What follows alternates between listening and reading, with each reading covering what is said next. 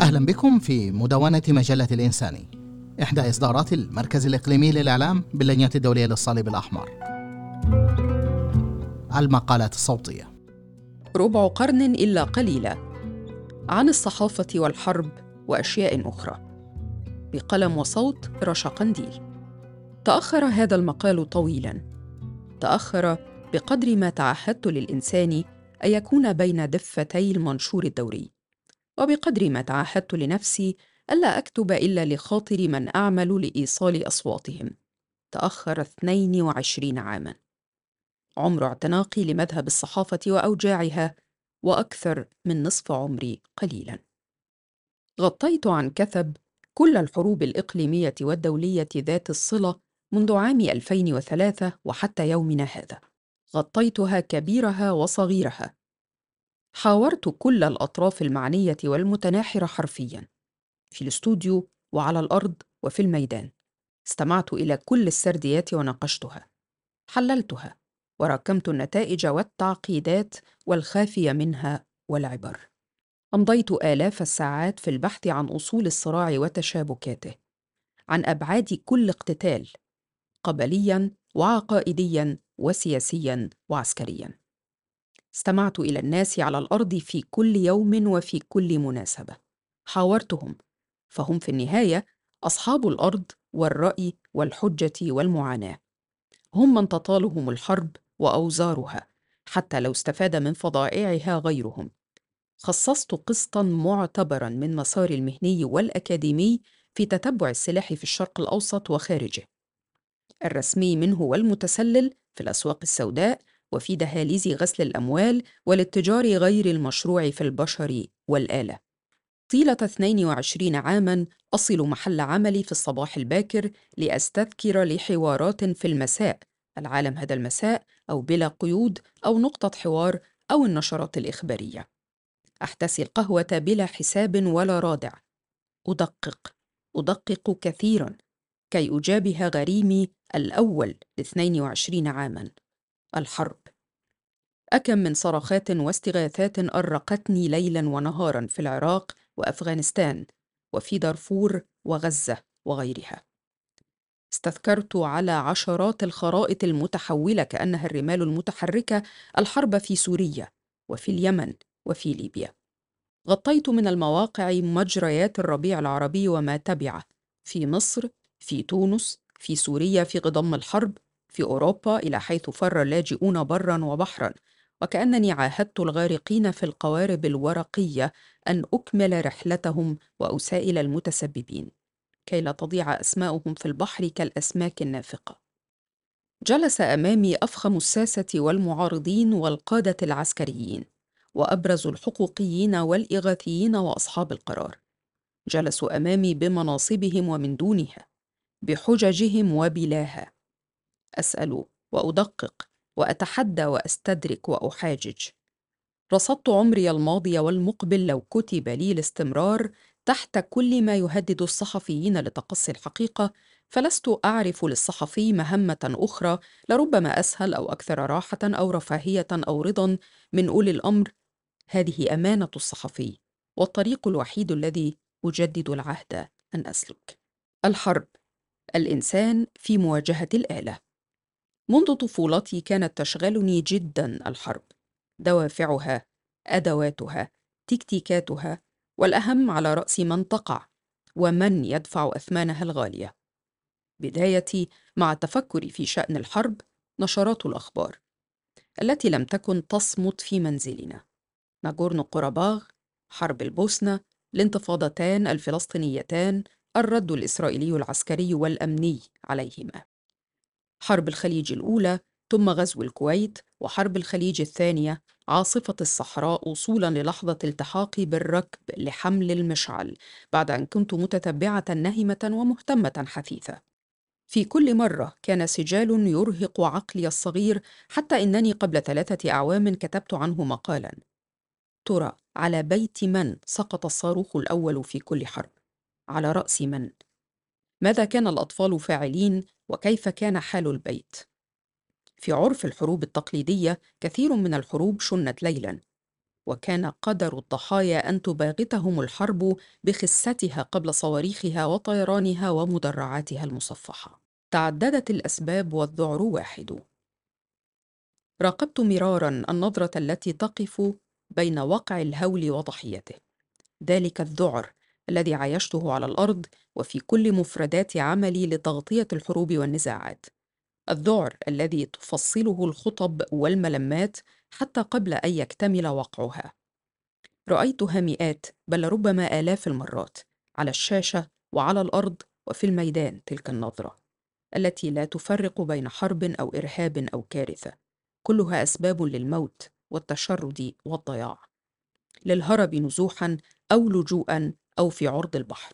كلها بلا استثناء الوجه الآخر للنسخة الأسوأ للذكاء البشري أو غبائه. لا يهم. إنها الحرب يا سادة. وجه الموت. شاهدت الهول يحدق في عيني بثبات. في عيني مريم. رضيعة سورية فقدت كل من لها قبل عمر الستة أشهر. حملت مريم وضممتها بالقرب من حلب. وقفت على الخط الفاصل بين سوريا وتركيا إلى حيث فرت وعشرات الآلاف الآخرين.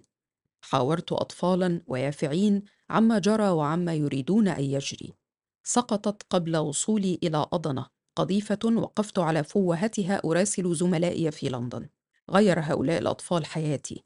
جعلوا لشغفي بالحرب وقعا وكتلة ونبضا أحافظ على ثباته. الميليشيات وأنا. لما قررت العودة للبحث الأكاديمي للحصول على درجة الماجستير في إحدى أرفع الجامعات البريطانية مكانة وأكثرها تخصصًا، لم يرد بذهني خيارات أخرى غير التخصص في دراسات الحرب النقدية. لا حبًا في فنون الحرب بقدر شغفي بدراسة علومها بتعمق وبشكل علمي موضوعي لا تذروه الرياح كما طوت صراخات كثرًا نددت بها في كل مضمار. اللهم إلا في الوجدان الشعبي وأروقة المحاكمات الدولية. سعيت لدمج القانون الدولي ودراسة الحرب، فخرجت رسالتي المتواضعة عن الميليشيات ودورها في تغيير وجه الحرب في الشرق الأوسط، منذ تكوين طلائع الجهاديين في أفغانستان والعرب الأفغان. نزحوا من الشرق الأوسط وعادوا إليه. عادوا أناسا آخرين ونفوسا أخرى. وليومنا هذا يدفع الجميع باهظ الأثمان عنوان رسالتي التي حصلت بها على درجة الماجستير في العلاقات الدولية ودراسات الحرب النقدية هو الميليشيات من كيف لماذا كيف تغير وجه الحرب في الشرق الأوسط. السالف نشرها على موقع أكاديميا لدراسة الأبحاث والرسائل العلمية. ما هي الحرب إذن؟ رصدت في الكتابة الأكاديمية ما أظن أنه فقر شديد في الإنتاج العلمي عن الحروب اللا تقليدية في الشرق الأوسط. وتركيز مكثف على الجماعات الجهادية الراديكالية ربما لاهتمام الساسة والباحثين بها في ربع القرن الأخير. منذ بداية عملي في الصحافة تغير تعريف الحرب وأدواتها تغيرا ليس بالهين. فالواقعية الكلاسيكية في علوم السياسة الدولية عرفت في أحد مناهجها العنف المقنن باعتباره ذلك المحتكر من قبل الدولة أي الجهة الحاكمة ذات السيادة. سواء منفردة أو بإيكال هذا العنف إلى وكلاء وأدوات وأجهزة. الذي تغير باختصار هو انتفاء هذا التعريف بإيكال بعض اللاعبين خارج سلطة الدولة العنف لأنفسهم. ومنافسة الدولة في استخدامه إلى الدرجة التي قد يصبح أحد هؤلاء اللاعبين أو بعضهم أو حتى كلهم أقوى من الدولة، إلى الحد الذي يحتكرون فيه هم العنف بدلاً عنها. فتنتفي سلطتها وفقا لهذا المنهاج الكلاسيكي على الأقل. الحروب الجديدة أفغانستان كانت البداية. ما أتحدث عنه هنا هو تحديدا ما حدث في أفغانستان إبان حرب المجاهدين والعرب الأفغان ضد الاتحاد السوفيتي بمساعدة أمريكية وبتصدير للجهاديين من ساسة مواطنهم إلى أفغانستان.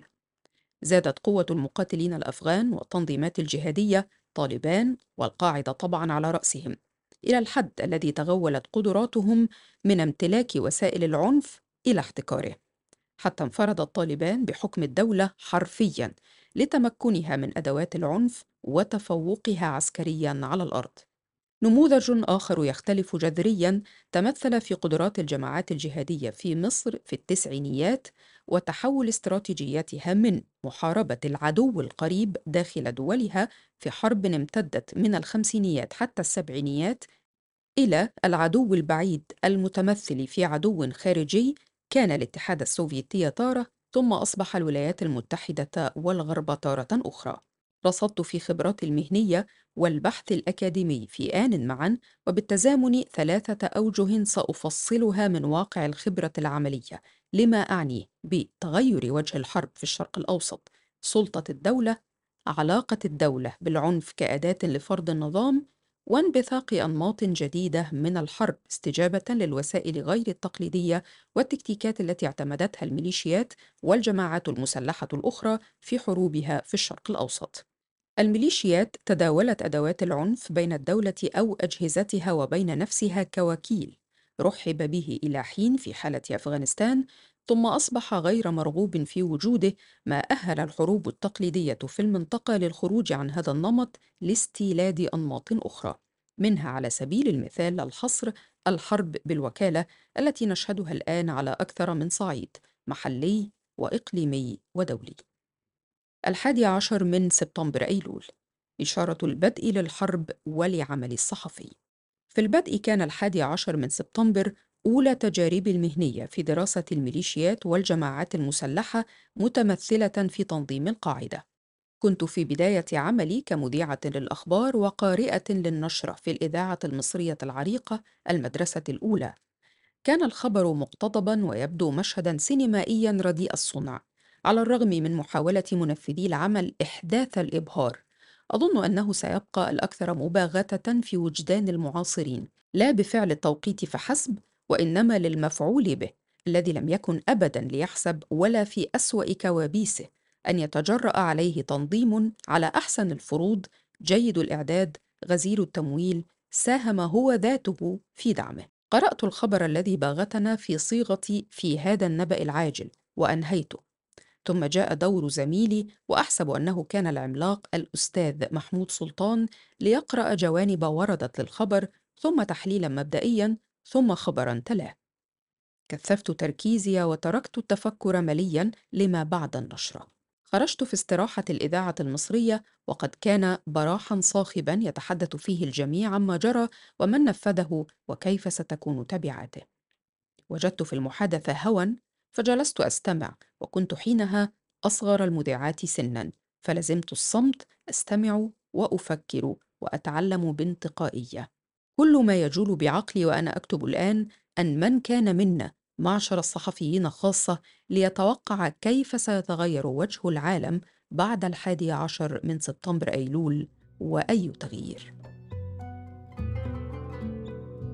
هذا جزء من مقالي عن الصحافة والحرب وأشياء أخرى ربع قرن إلا قليلا بقلم وصوت رشا قنديل في عدد مجلة الإنساني السبعين الصادر في شتاء عام 2023 بعنوان بوصلة إنسانية للإعلام. شكرا للمتابعة. للاستماع إلى مزيد من المقالات زوروا الموقع الإلكتروني لمجلة الإنساني blogs.icrc.org الإنساني.